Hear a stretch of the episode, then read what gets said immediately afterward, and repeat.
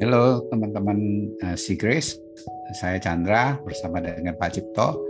Uh, Pak Cipto, mau tahu nih mengenai kesan Pak Cipto dari diskusi kita di si Grace Rabu lalu. Itu mengenai dengan pikiran Kristus ya. Saya bacakan di 1 Korintus 2 ayat 16. Sebab siapakah yang mengetahui pikiran Tuhan? Sehingga ia dapat menasehati dia. Tetapi kami memiliki pikiran Kristus. Wow, luar biasa sekali kita ini memiliki pikiran Tuhan melalui Kristus Yesus. Itu sangat luar biasa itu Pak Cipto. Bagaimana itu uh, Pak Cipto? Ya, waktu itu saya uh, bergumul soal makanan ya.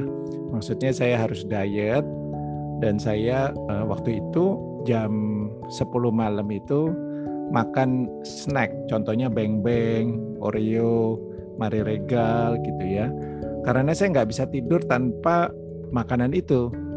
Jadi saya bergumul tuh dan saya sharing juga di hari Rabu bahwa saya sedang bergumul bahwa saya kok kelihatannya dijajah masalah ini ya. Dan saya ber, berusaha dengan kekuatan saya tapi nggak berhasil berhasil dan kemudian saya dicerahkan tentang kami mempunyai pikiran Kristus. Jadi uh, setelah saya sadar tentang hal ini bahwa di dalam Kristus itu masalah itu bukan saya untuk saya gumuli. Bahwa masalah itu sudah selesai di kayu salib, penebusan dari Tuhan Yesus sendiri dengan kehidupan yang bebas dari segala tekanan atau uh, pergumulan.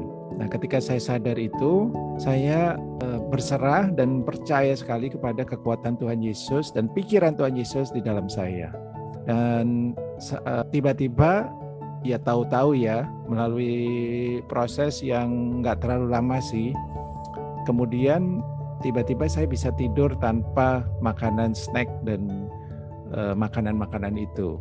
Jadi ini buat saya satu kemerdekaan uh, yang saya bisa raih tanpa pergumulan, tanpa saya berusaha. Memang pada awalnya uh, saya sepertinya kok tidak ada hasilnya, tetap makan gitu ya. Jam 11 malam itu tetap nggak bisa tidur, tetap makan. Dan saya pikir ini kok uh, nggak menang-menang gitu ya. Tapi kembali saya percaya kepada uh, pikiran Kristus sudah menjadi milik saya dan ada pikiran Kristus di mana saya tidak lagi bergumul dengan eh, cara saya bermakan dan tahu-tahu saya bisa merdeka dan bebas. Dan itu membuat saya eh, juga bisa eh, anak-anak saya dan istri saya juga bisa lihat bahwa saya bisa bebas dari makanan yang tidak perlu dan itu merupakan satu kemenangan bagi saya. Terima kasih, Pastor Ching. Wow, suatu kesaksian yang luar biasa ya. Pikiran Kristus ini bukan saja menghentikan pergumulan kita yang nggak enak ya.